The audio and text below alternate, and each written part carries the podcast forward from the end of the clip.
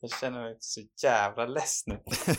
Sluta när jag lagt ner typ en timme. Jag har ju suttit här en timme och försökt få den här micken och... Ja, men jag började för, vi började ju snacka för... Jag började typ 10 och så här testa ljud och... Ja. Det vart ju bra liksom, men nu... Nej, nu börjar vi. Fan! Skitsur. Skitsur kommer jag vara. Hela Oj. avsnittet.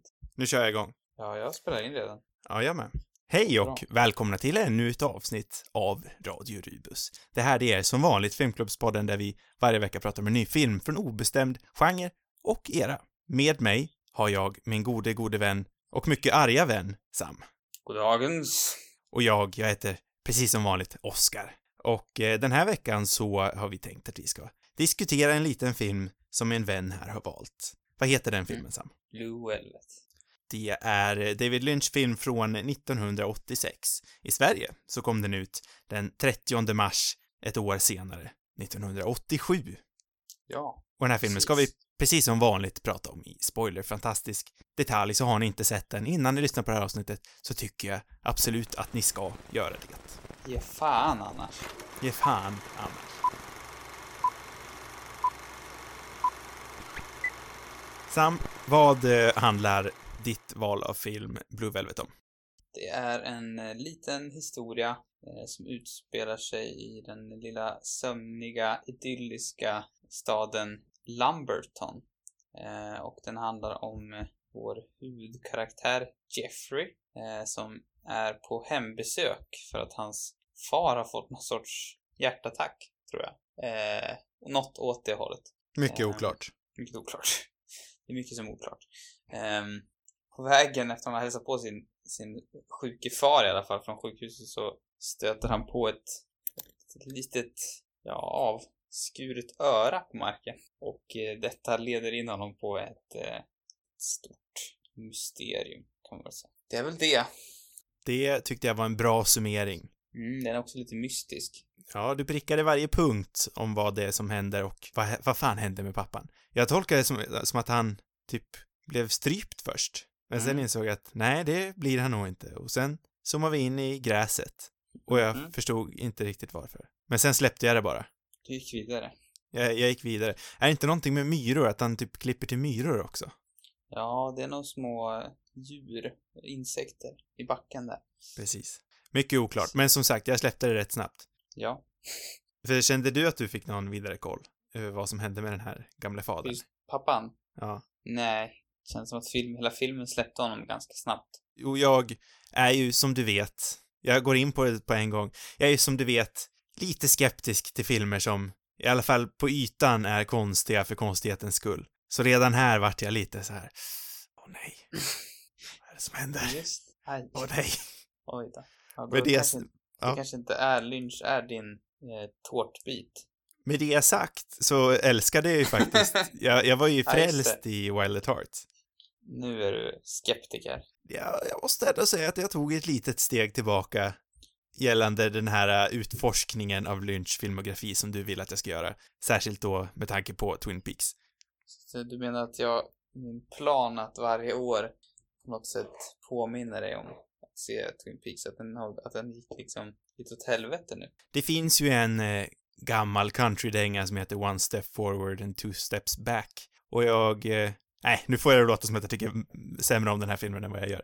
Eh, när jag, jag, jag var skeptisk när jag såg på den. Jag lämnade ändå, jag hoppar in på det på en gång, jag lämnade visningen med att jag ändå tyckte om den. Och den har växt ändå efteråt, för det här känns ju som en, en grower, not a shower, om man säger så. Mm. Kan jag hålla med om. Det är roligt. Det är så roligt lite grann, men redan i första scenen så är vi på helt olika banor. Jag, jag går ju igång direkt på den här, det här otroligt underliga, den här underliga början. När pappan som får någon sorts hjärtattack. Och Mm. myrorna och grejer. Det är liksom, nu är vi igång känner jag. Och du blir direkt skeptisk. Är helt olika världar ändå. Ja, nej men det är ju det som är så spännande med den här podden tycker jag. För alltså jag är ju ändå glad att jag har sett eh, Blue Velvet, måste jag säga. Mm. Det är ju en, det är ju en sån där skämskuddefilm som vi kan prata om ibland. En film som man borde ha sett som man inte har sett. Ja, det kanske det är. Jag vet inte. Det, det beror på vem man frågar vad som är en skämskuddefilm. Går man och frågar Anders Andersson på gatan så tänker han kanske inte så. Nej. Men bland oss finkulturella cineaster, va, då så är ju Blue Velvet rätt så högt ansedd. Äcklig röst ändå. Ja, tack. Ja, det, vill man verkligen se sig som en... Ja, det kanske var det det var, en ironisk röst. Ja, det är, tycker jag inte låter som en dum tolkning. Jaha. Ja. Ja. Jag, jag känner mig lite ställd nu av, av allt, hela den där rösten. Och, ja, nej men... eh, Skäms, skämskuddefilmer är egentligen ett idiotiskt uttryck, är det inte det? Ja, men det är ändå rätt, eh, man förstår vad man menar, i i mina ögon i alla fall. Ja, jo. Men det är, det är, egentligen är det dumt kanske att skämmas över att man inte har sett den filmen. Ja, men det är det. Är skitidiotiskt. Men det förhindrar ju kanske inte att man gör det. Nej. Eh, Jag känner dock inte att det här är en sån film. Det, det, det känns inte som att den är, den är alltså den är hyfsat känd men den är jag menar i folkmun känns det inte så. Det är inte som eh, Star Wars eller något. Eh, vad, vad tyckte, hur lämnade du allt det här? Eh, också lite någon sorts besvikelse kanske. Ehm, fast mitt problem är nog att jag hade lite för höga förväntningar. Mer än, än att filmen var dålig. Ja, nej men jag vet inte. Det, det, jag tyckte fortfarande var, var riktigt bra men eh, jag hade otroligt höga förväntningar. Den här filmen är väl av många hyllad som Lynches eh, mästerverk. Ja, jag tror det. Jag får det ju låta som att den är mer eh, svår, svårtillgänglig än vad den faktiskt är, för den har ju några sådana här konstiga experimentella drag. Men i det stora hela, man fattar ju vad storyn går ut på. Jag tyckte nästan att den var för enkel. Ja, Lite besviken på att den var så, så straightforward. För det är det jag inte riktigt, jag hänger, jag vet må, många säger att den här filmen är, man eh, får så mycket mer ur den här filmen när man ser den flera gånger och eh, första gången förstår man ingenting, men när man ser på den eh, en eller två eller tre eller fyra gånger så förstår man verkligen vad som händer på djupet i den här filmen och så må ju fallet kanske vara. Men jag måste ju säga det att jag förstår ju vad som händer i den här filmen, även fast jag kanske inte tycker att alla konstigheter är så befogade. Men de här konstigheterna kanske blir befogade med fler visningar. Det är det som är lite krångligt med Ja. det här formatet när vi ser på en film och snackar om den relativt tätt inpå ändå.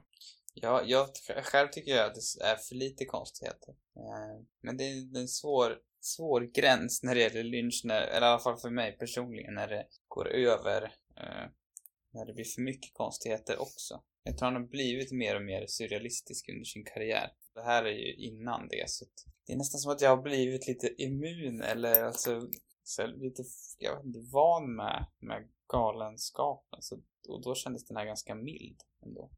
Ja, för den här filmen tar ju sig själv rätt seriöst ändå och om man eh, går tillbaka till, till eh, Wild at Heart, den eh, Mm. skulle jag ju inte direkt säga tar sig själv seriöst. Den är ju helt bananas. Och den är medveten om att den är bananas och den omfamnar faktumet att den är bananas. Den här filmen är otroligt seriös.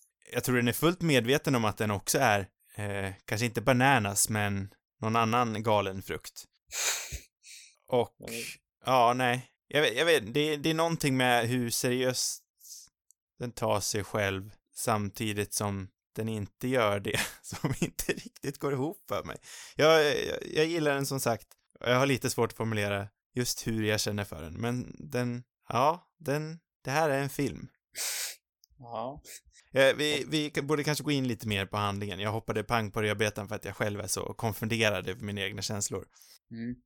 Eh, pappan eh, blir som sagt, eh, han coolar av, helt enkelt. Men det är ju, har ju inte riktigt till saken eftersom vi senare rör oss mot mysteriet. Pappans plötsliga sjukdom är ju egentligen bara där för att få tillbaka Jeffrey till stan. Ja. För att sedan i sin tur hitta det här örat och sedan gå och undersöka vart det här örat kommer ifrån. Mm. Eh, så vad, eh, vad, vad tycker du om själva mysteriet sen när det väl börjar? Ehm, ja, tycker jag om mysteriet? Tycker- Det är en svår fråga att ge någon sorts recension av mysteriet. Jag vet Nej, men- inte. vad ska jag säga? vad tycker du själv om mysteriet? Nej, men jag tycker att det är lite... Det, det är ju, det är ju... För, I förra veckans film, eh, Memories of Murder, där var ju mysteriet centralt. Och jag Mm. kastar ju en liten elak fråga åt dig eftersom här är ju mysteriet inte heller, det är inte alls så centralt. För precis som pappan är ju mysteriet egentligen bara här för att föra Jeffrey till den elake Frank och Dorothy. Ja. Va? ja. Den handlar väl inte, nej som du säger, den hade inte heller i den här filmen som själva mysteriet är den viktiga parten, det har du ju rätt i. Det glöms Men... ju nästan bort. Eh, Men vad är den viktiga, viktiga parten i den här filmen? Nej, det, det handlar väl, det är väl kanske historien om Kyle, hans, eller Jeffrey, som jag tror är lite, no, alltså det är no, alltså ganska inspirerad från Lynch själv om jag förstått det rätt. Det märks av. Och vad frågade du för någonting? Vad, vad filmen handlar om? Eller vad den vill? Ja, men precis. Vad, vad, vad är tanken att vi ska ta ifrån den här filmen? Vad vi ska ta med oss? Ja, för jag har inte riktigt landat i ett svar än själv. Och jag tänkte att vi kan kanske komma fram till någonting här via våran diskussion. Mm. För jag, jag ser ju det här lite som en eh, rätt, ja men som du säger, det är ju inte direkt svårt att se att det här är en självbiografisk film. Jag har också läst det där efter faktumet. Men jag har... Är den till och med självbiograf? Nej, men eh, att eh, den är inspirerad från eh, verkliga händelser som han själv har upplevt. Mm. Jag tycker mm. han känns som en rätt tunn, eh, som en rätt tunn eh, förklädnad för sig själv, Jeffrey faktiskt. Ja. Och jag, jag kan ju inte låta bli att tänka heller när den här hemska våldtäktsscenen händer, att det känns lite som, och nu lägger jag ju verkligen mina egna tankar om, eh, om eh, David Lynch i det hela, men det känns lite som att det här är någon slags utlevnad av David Lynchs egna perversa sexdrömmar. Det kan det tolkas som. Ja, det är din tolkning. Det är min tolkning. Nej, men visst är det så. Det handlar om den här eh, nyfikna, lite porriga unge mannen som ger sig ut på äventyr. Det är väl där resan befinner sig. Ja.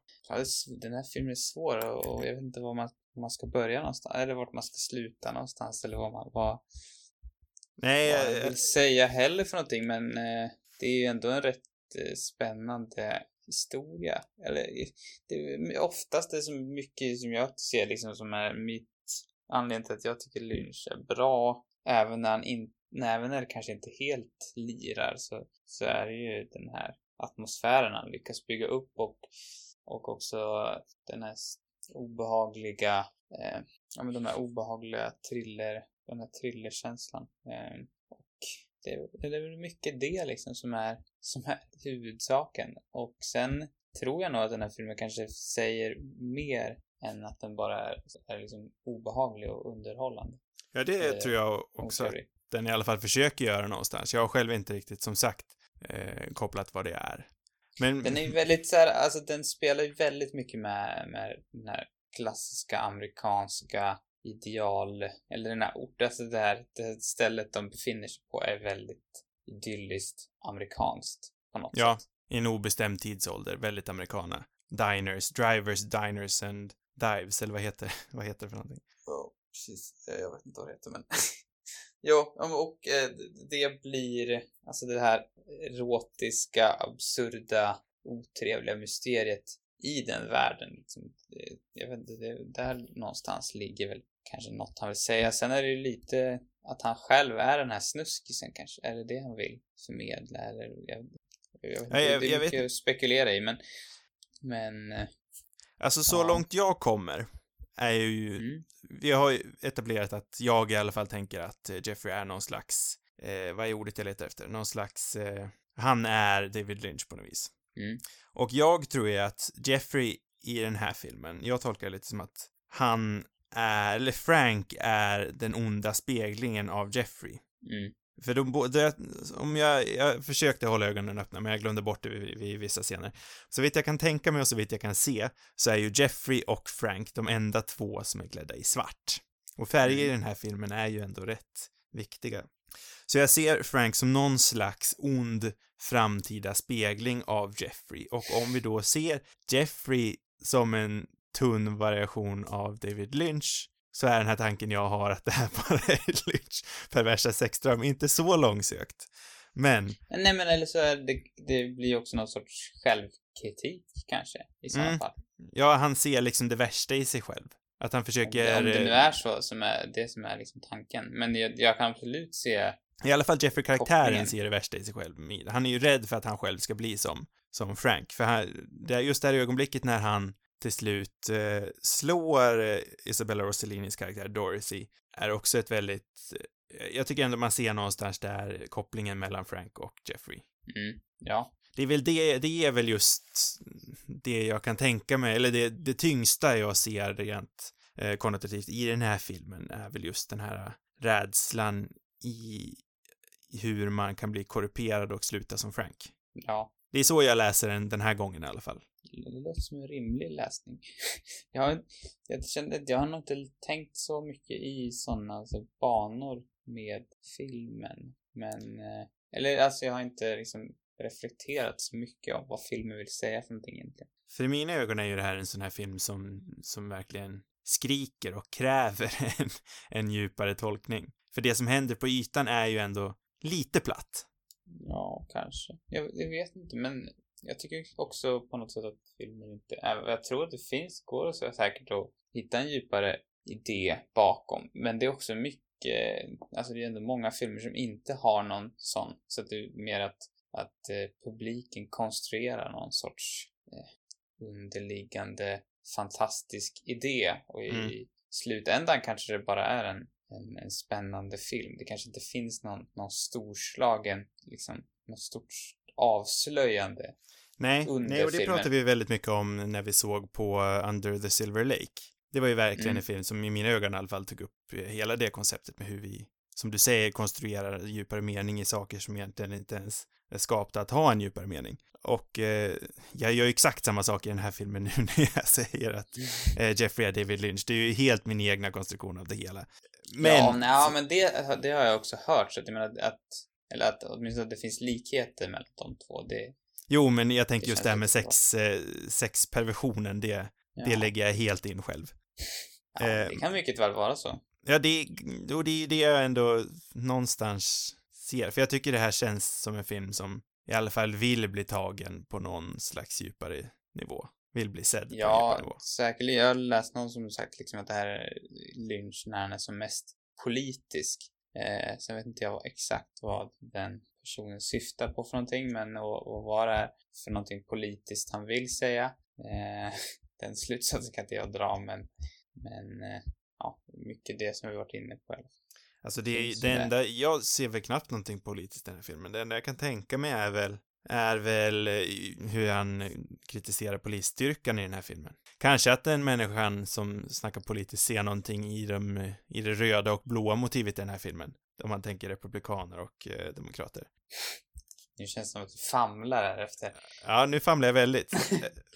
Men för, för eh, jag har tänkt väldigt mycket på rött och blått i den här filmen, för det är ju två centrala färger. Men jag eh, kom inte riktigt fram till någonting själv. Men sen kan det bara vara ett stilistiskt val också som inte skriker, som inte ber om en djupare tolkning, men jag är ju en del av problemet just nu, men någonting med den här filmen får mig att tro att den vill tas på en djupare mening. Ja, jag, ja, jag tror det, det känns också mycket som att Lynch gillar att göra den här typen av, av filmer. Som, och han spelar mycket på, men många scener känns konstruerade utifrån vad hans tanke om vad som är obehagligt bara. Eh, Mm. Att det kanske inte finns någon djupare mening bakom det, men att han, jag menar att det kanske saker han har upplevt eller känslor som han vill på något sätt förmedla. Eh, mer än att det är någonting som, som hänger ihop. Du, till exempel den här scenen mot slutet när eh, Rossi, Rossellini dyker upp hemma hos Jeffrey och står alldeles naken där på trappan. Eh, det byggde ju delvis på en, en upplevelse som Lynch hade som barn tror jag, när han, när han och hans bror hade varit ute och inte, gått i grannskapet och det stod någon naken kvinna här, typ efter vägen och såg helt tokig ut. Just det här och hur, hur rädda de blev. Så att eh, obehaget i den scenen, för det, den är ju liksom, ja, en av de mer obehagliga scenerna ändå tycker jag. Eh, och det Ja. förmedlar också eh, på något sätt att hon har nått botten där. Ja, men och fallet är ju säkert så också att det är det han vill och inget annat av de här djupare läsningarna jag försöker lägga på den. Eh, men jag tänker att vi, vi lämnar det här djupa mambo jumboet och eh, grundar i någonting lite mer konkret. För jag eh, skulle vilja yttra mina kontroversiella åsikter om Isabella Rossellini. Mm. Jag tycker inte att hon är en bra skådespelare. Jag har aldrig tyckt att hon är en bra skådespelare och jag förstår inte riktigt vad folk ser i henne. Nej, jag, hon är nog ingen favorit för mig heller. Jag tycker nog inte heller att hon är jätte, jättebra. Lite Jag skulle- hysterisk. Jag, ja, jag I skulle och för sig gå så är det en långt. hysterisk karaktär, men eh, lite upp över öronen kanske. Ja, men det blir liksom ingen subtilitet i det alls, i mina ögon i alla fall. Mm, I och för sig är ju stilen väldigt osubtil också. Ehm, så på så sätt tycker jag nog ändå att de funkar rätt så mycket. För att jag menar, eh, Dennis Hopper är ju också rätt over the top. Fast jag Ja, tycker jo. på, i- alltså det funkar eh, väldigt bra också. Ehm, men det är lite på det sättet som, som Lynch ofta brukar lira. Att det, det är, eh, och det tror jag vi snackade om förra gången vi pratade om Wild at Heart också, att att han tycker liksom om att maxa allt på något sätt. Och eh, det är liksom, när det är blått så är det jävligt blått och när, när någon är arg så är de jättearga. Det, det, han är inte subtil så egentligen. Vad, vad filmen vill säga för någonting är ju rätt subtilt men eh, ja, själva scenerna i sig och skådespeleriet och fotot och, och allting är ju absolut inte subtilt. Nej, det skulle jag inte alls säga faktiskt. Men, eh, ja, jag, jag tycker inte att Rossellini är bra. Det var allt jag ville säga. Och jag, jag, jag fattar verkligen inte, för jag, man har ju sett henne i flera saker och jag tycker, nej, jag förstår inte grejen med Isabella Rossellini. Inte att hon har en skicklig mamma bara. Och pappa. Ja, shit. Antag, antagligen så är det väl det. Men jag har ingen erfarenhet av hennes far. Nej, jag har minimal erfarenhet av hennes svar, men inte mycket. Eh, Frank pratar vi om. Frank. Mm. Eh, kanske det är den mest minnesvärda karaktären i den här filmen. Ja. Dennis Ja. Hopper, han är med för andra gången i den här podden nu. Första Mm. gången var ju i eh, Der amerikanische Freund. Var han Och där- inte med i, eh, i den här, eh, vad heter den? Eh, fängelse... Just det, det var han. Cool Hand Luke var han också med i. Så han har dykt upp flera gånger. Det här är tredje gången vi stöter på Dennis Hopper och det här är ju den mest gormigaste versionen. Det här är ju Dennis Hopper med största sannolikhet rätt hög på kokain eller någon liknande substans. Ja, är han verkligen det då? För att... eh, I alla fall, Ja, han var, han hade precis kommit ut ur rehab efter det här, men, men i och för sig kanske han det kanske inte var en framgångsrik rehab, det vet jag inte. Men eh, jag tänker att han, du menar att han inte kan vara så här tokig utan att gå på någonting? alltså jag, jag har svårt att se hur man, hur man, ja fast han är ju skådespelare såklart, men herregud vad han Jag har fan på. inget förtroende för, för någon av skådespelarna i den här filmen känns det som. Nej men fy fan vad Dennis Hopper kör på.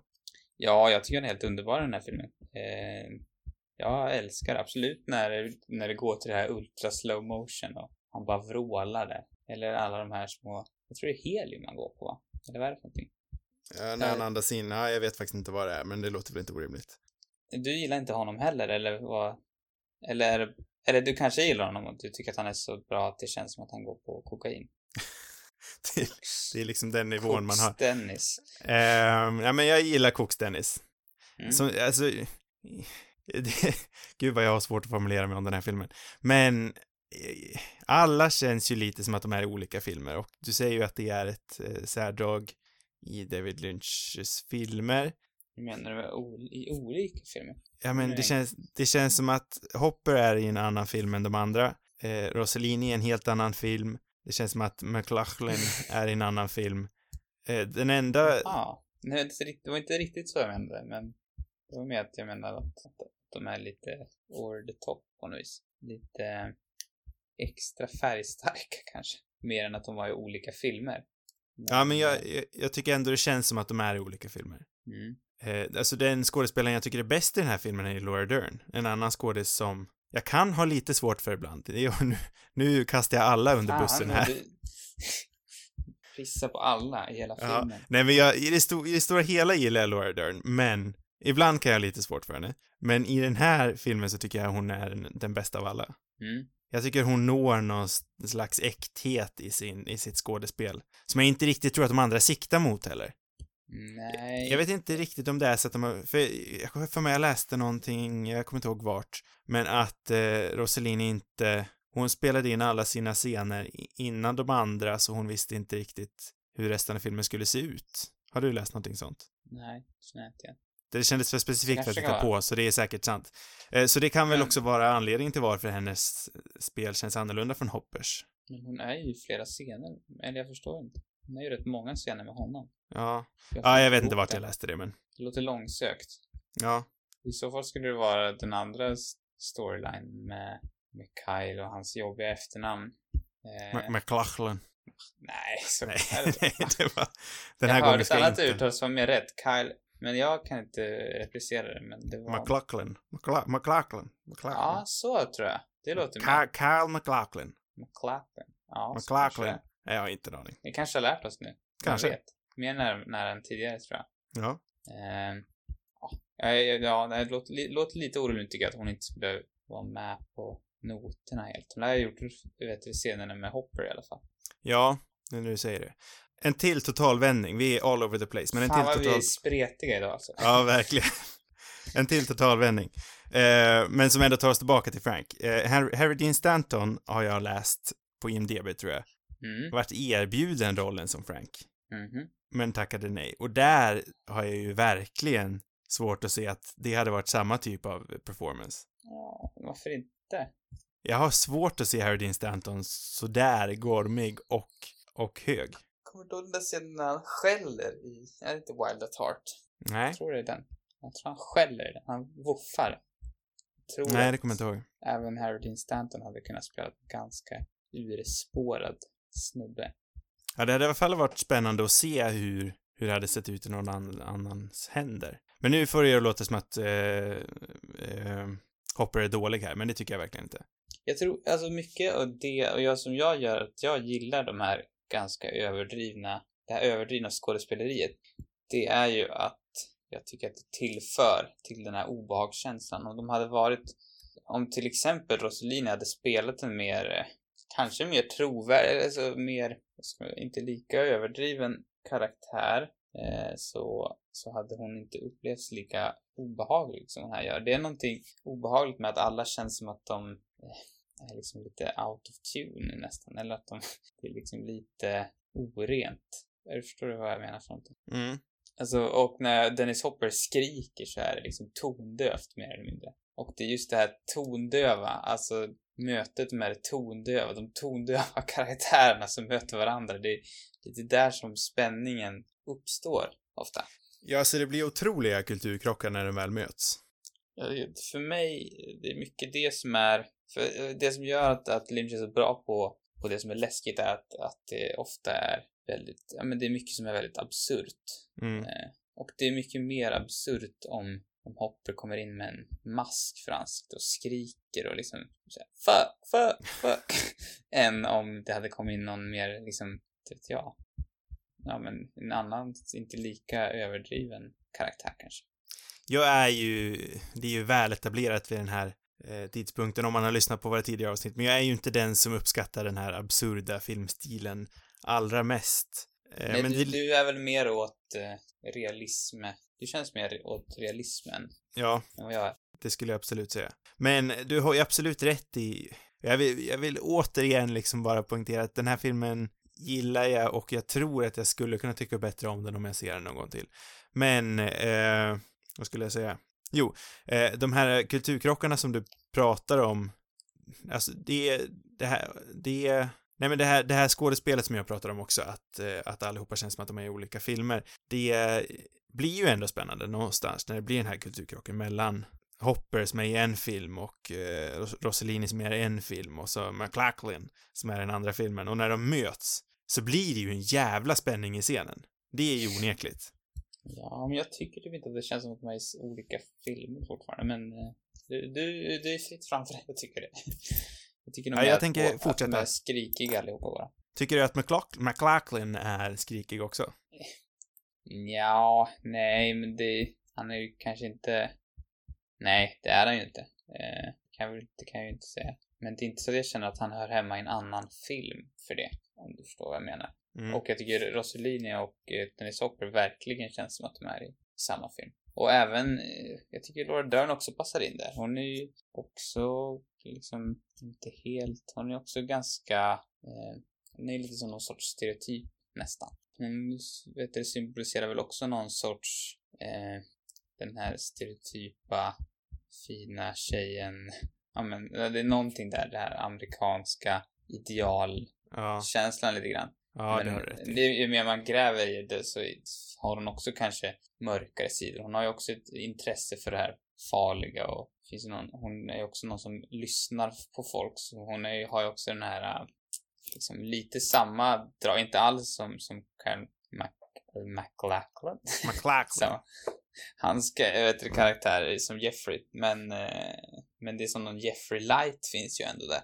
Det är väl lite det som också filmen vill göra. De vill spela med det här stereotypiska, idylliska USA. Det här med att hitta det mörkaste mörkret.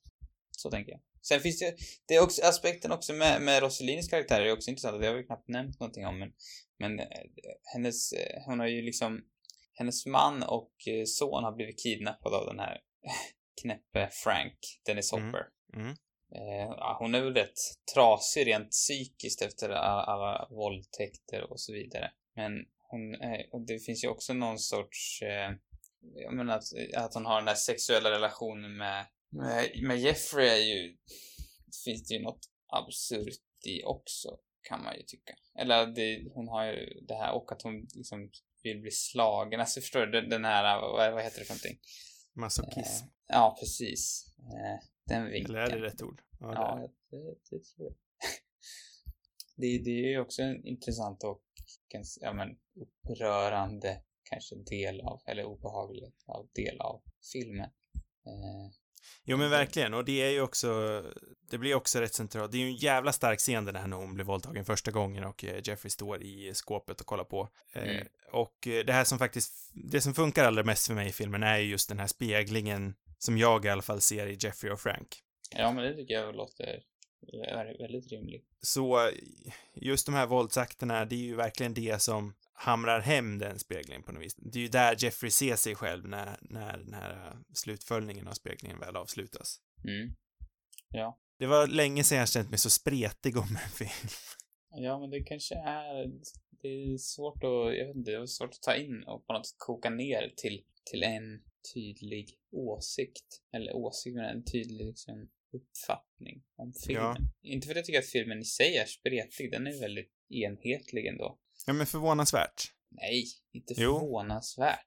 Jag trodde ja, faktiskt... Jo, i och för sig, när man snackar om det så här av alla delar så, så är det ju imponerande att man kan koka ihop det till en film som, som lirar eller som känns som att den har ja, en trovärdig röst eller alltså ett, eh, ja, att man köper liksom att, det, att, det befinner, man befinner sig i samma universum på något sätt.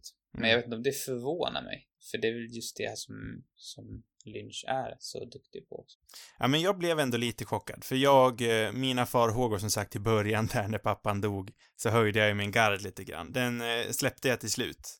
Och det är väl just eftersom, för jag förväntade mig någonting mycket mer spretigt, som var mycket mer kalabalik hit och dit. Den ena sekunden är vi där, andra sekunden är vi på ett annat ställe. Men någon som inte är så är det superspretig. Är det Laura Dern? Till skillnad från Nej. oss. Nej, men det är ju också Carl McLachlan. Carl McLachlan. McLachlan. Ja, för han, eh, även fast jag, jag tycker då, det är uppenbart att du inte gör det, men jag tycker det känns som att han är i en annan film som de andra tre, eller de andra två. Jag tycker han och Dern ändå är i samma, på samma planhalva. Mm. Eh, men jag tycker att han är, eh, han, han är väldigt bra i den här filmen. Han har någon slags, ja men oskyldig nyfikenhet ändå som får, som gör hela den här eh, eskaleringen in i mysteriet rätt trovärdig. Han har ju också en obehaglig stil på något sätt i filmen tycker jag. Ja, han är... En obehaglig vibe. Mm. Han känns lite som, han känns som någon så här porrskådis nästan, tycker jag. Absolut när man upptäcker det här lilla minimala örhänget han har. men det är också den där, men han ser ut som att han spelar en yngre pojke på något sätt. Mm. Och så han har, det här, han har ju det, den här hårfärgen, men det är liksom lite för svart nästan. Mm. Så tänker jag mig att porrskådisar brukar se ut. De har lite för svart hår. Men han är ju också, på tal om porrskådis, han är ju också en rätt pervers karaktär. Ja, jo, han är ju pervig. Och, nej men det, det är någonting med, med hans, kan du förstå min porrskådis? Ja, jag, jag förstår det helt och hållet. För han går ju verkligen, han går ju, det är ju tydligt att han går igång på tanken att ge sig in i det här mysteriet och stå i, i Rossellinis garderob och spionera och... Ja, men det är inte Det- bara hur han är som karaktär, utan bara rent estetiskt, hur, hur han ser ut. Så, Ja, så jo, ja. Looken. Han ser ut som en också porrskådis att han- också. Också att han, han är ändå ganska fit. Och det förväntar man sig inte. När han, när han strippar där i, i början av filmen. Han Ja. är mer fit än vad man tänker sig. Eller vad tänkte du dig? Det är också, tänker jag, hör hemma där. Nej, alltså jag, i mina ögon så är ju Kyle MacLachlan för evigt eh, den eh, buffliga borgmästaren i Portlandia. Ja, det har inte jag sett. För många andra så är han ju eh, Agent Cooper i Twin Peaks. Och från Twin Peaks till det här är väl kanske lite mer naturlig övergång. Men Ja, fast knappt alltså, för att i Twin Peaks är han ju så jävla cool. Alltså, Är han det? det är ju, ja, det är, ja, han är underlig också i och för sig, men han är cool, tycker jag. Kanske den coolaste av de coolaste. Här är han ju inte cool. Nej. Eh, han, han är ju lite äldre i Twin Peaks. han är ju cool här i... Eh, han är... Han är ju Cool cool i Laura den... Dern tycker att han är cool. Ja, det var det jag tänkte säga. Han är ju cool i den bemärkningen att han är den äldre grabben som kommer tillbaka till stan och därmed blir han mysterisk för alla tonårstjejerna. Så på det viset är han ju cool, men i verkligheten David är han ju tycker säkert också att han är cool, kanske. det. Det är inte Ja, han är ju-. Han är ju David Lynch, Jeffrey, så såklart att Lynch själv tycker att den är cool, karaktär. Nej, men eh, ja, nej, det är ganska stor kontrast ändå. Han är också väldigt liksom sparsmakad här om man jämför med de andra karaktärerna. Och om man jämför med hur han spelar Dale Cooper, det är en mycket mer liksom skrikig karaktär, men den är liksom Ja, jag har ju också sett han i någon slags, eh, i någon slags neongrön kavaj med långt hår, om jag inte minns helt fel, eh, i bilder från den senaste säsongen av Twin Peaks. Så där, Ja, men det, det är något helt annat. dock. ja. Men där verkar han ändå spela någonting helt eh, annorlunda än det här. Ja, nej, men vanligtvis så spelar han väl kanske lite mer färgstarka karaktärer ändå. Ja. Och det här är, han är i och för sig, ju mer man tänker på det så är han ju ganska färgstark ändå även i den här filmen, men inte till en början så känns han ju inte så. Jag undrar hur, det skulle man kollat upp innan, men eh, McLachlans karriär innan det här, för Dune var väl en flopp om jag inte minns helt fel. Jag tror inte han hade gjort någonting. Eller, Nej, eh, innan, jag tror att Dune var hans eh, genombrott, men Dune var ju också en rätt rejäl flopp. ja. Eh, så, Mm. så jag tycker ändå att det är rätt spännande hur, eh, generöst är väl kanske överdrivet att säga, men det är rätt kul ändå hur, hur Lynch liksom inte övergav eh, McLachlan i eh, Dunes sandiga öken. Ja, det är Utan inte så konstigt. Ja, och absolut också med den här filmen, för den, de fick ju inte den här filmen gjord, eller de lyckades inte få den gjord med, med en traditionell liksom, eh, studio och så, utan det var typ tack vare att en av producenterna, Ja, Dino De Laurentiis. ja exakt, gjorde Dåligt ett, uttal. ett nytt produktionsbolag liksom, för att kunna göra den här filmen. Och eh, tror också det var, eller det, det snackade i alla fall Kyle med i någon intervju att, att det här var liksom en sån stor skillnad också för, för, för Lynch att göra att han hade varit i den här gigantiska produktionen med, med förmodligen alldeles för mycket. Eh, och det här var på något sätt steg tillbaka och göra någonting. Det- Dune var säkert också ett passions, passionsprojekt liksom, men, men någonting ja, mer enklare som han kanske kunde på något sätt styra mer. Eh, så det känns inte så, eh, liksom en anledning till att, att han, att Kyle inte skulle få Mac skulle kanske snarare vara någon sorts stor studioboss. Eh, jag tror inte att, att Lynch tvivlade på hans eh, förmåga. Nej, det tror inte jag heller, men eh, det, jag tycker ändå det är fint att se någonstans. Det, känns, det värmer lite i hjärtat, för jag tänker en regissör som kanske är lite mer osäker i sig själv, för jag utgår från att Lynch är rätt självsäker, Mm. hade nog kanske bara ömsat bort allting som identifierar han med eh, den stora floppen Dune. Men Lynch Mm. anammar ändå McLachlan som var den, den filmens huvudskådis och jobbar med han än idag. Så det finns någonting som jag i alla fall ser rätt fint i det. Mm. Ja. Eh, en, av, en av de större, nu när vi ändå snackar om Lynch tidigare karriär, en av de större liksom filmerna som aldrig blev av som jag hade velat sett, det är ju hans version av, av eh, Return of the Jedi. Jaha. David Ja, du visste Lynch. inte det? Nej. David Lynch blev erbjuden att regissera den avslutande filmen i den, i original Star Wars-trilogin, men han tackade nej. Oj. jäklar. Ja, jag kan liksom inte ens se hur det hade blivit. Hur, hur är det ens möjligt att de erbjöd? Jag har inte en aning. Alltså, I och för sig, jag har inte all- sett någon av, av Lynch. Han har ju gjort mer eh, traditionella filmer också, tror jag. Ja, Mm. Jag tror Elephant Man till exempel är... Ja, jag tror det var efter den mer- han fick erbjudandet, men jag kan ha fel. Ja, Eh, Men sen, eh, George Lucas är ju en experimentell filmskapare själv, så alltså, jag kan, jag, jag kan nog säga att han uppskattar eh, några av de mer vågade dragen han ser i Lynch. Men jag kan inte alls se Lynch ge sig in i, i barnfilmer som Star Wars ändå är. det kanske inte själv kunde se heller. Nej, och antagligen var det därför han tackade nej. Men som sagt, det är en av de filmerna som aldrig blev av som jag helst hade velat sett. I alla fall en version av. Ja, det har verkligen varit spännande att se. Jag, jag kan verkligen se alla de här eh, rymdmonstren. Kan du se Jabba the Hutt i en Lynch-film till exempel? Jag tycker att han hade sett likadan ut. Lite Jo, men jag tror att han hade, jag tror att han hade Han varit mycket, mycket äcklig. äckligare. Ja, ja, det är möjligt. Jag vet inte vad jag ska se. Det, det, jag känns så långt borta. Jag känner också att jag måste se Dune för att, för det, det var väl det projekt han tog sig an efter. Jag vet inte, Dune, var det innan han fick erbjudandet om När kom sista Star Wars ut? Var det 86? Eller minns jag fel? Måste kollas upp. 83 tror jag. 83. Så att han gjorde Dune istället kan man säga. Ja, så måste det varit då. Som kom 84. Ja, Och det var säkert på grund av Elefantmannen som han fick Dune. För jag tror inte Säkert. att Eraserhead gav honom. nej det tror inte ja, jag. i och för sig gav det honom Elefantmannen, men om man nu ser det på det viset. Det är ändå en mer successiv upptrappning. Ja, Ja, men som sagt, det är, det är bara Spännande. spännande. Vi brukar alltid sväva ut lite och sådär i slutet, men det känns som att hela det här avsnittet var rätt så utsvävande och inte alls vidare sammanhållet. Nej, det finns ingen, det finns ingen riktig röd tråd. Och jag känner inte ens riktigt att jag vet. Jag, jag tycker som sagt att filmen är bra och frågar mig igen om en vecka så har jag nog en annan åsikt. Frågar mig igen om en månad så har jag nog ännu en annan åsikt. Mm. Det är Har du- spännande nästa år när jag väljer eh, någon senare film som är ännu mer surrealistisk. Ja, För jag tror att det bara blir värre och värre. det tror jag också. Så det skrämmer mig Det lite. var någon smart person som hade skrivit att, att, eh, att David Lynch var den som på något sätt gjorde surrealistisk film gångbar, äh, gångbart. Rent ekonomiskt eller något. Mm. Ja, men det kan jag se ändå. Och också med, med hans eh, framgång så är det ju inte helt... kan ju tänka sig att han ville vara mer surrealistisk även i Mm. början. Jag fick jag själv välja en Lynch-film att se i den här podden så hade det ju varit Elephant Man. Och det är ju, som du säger, den som i alla fall verkar vara hans mest, eh, ja vad ska vi säga, normala film. I brist på bättre ord. Hans, hans bakgrund är ju också spännande och kanske en, en, en, ännu en orsak till att det inte är riktigt din typ av filmskapare eftersom han har den här... Han vill ju bli konstnär egentligen. Visste du det? Nej, jag vet eh, knappt någonting om Lynch, måste jag säga. Jag vet inte heller jättemycket om honom men, men han, han startade, eller han utbildade sig till konstnär till en början.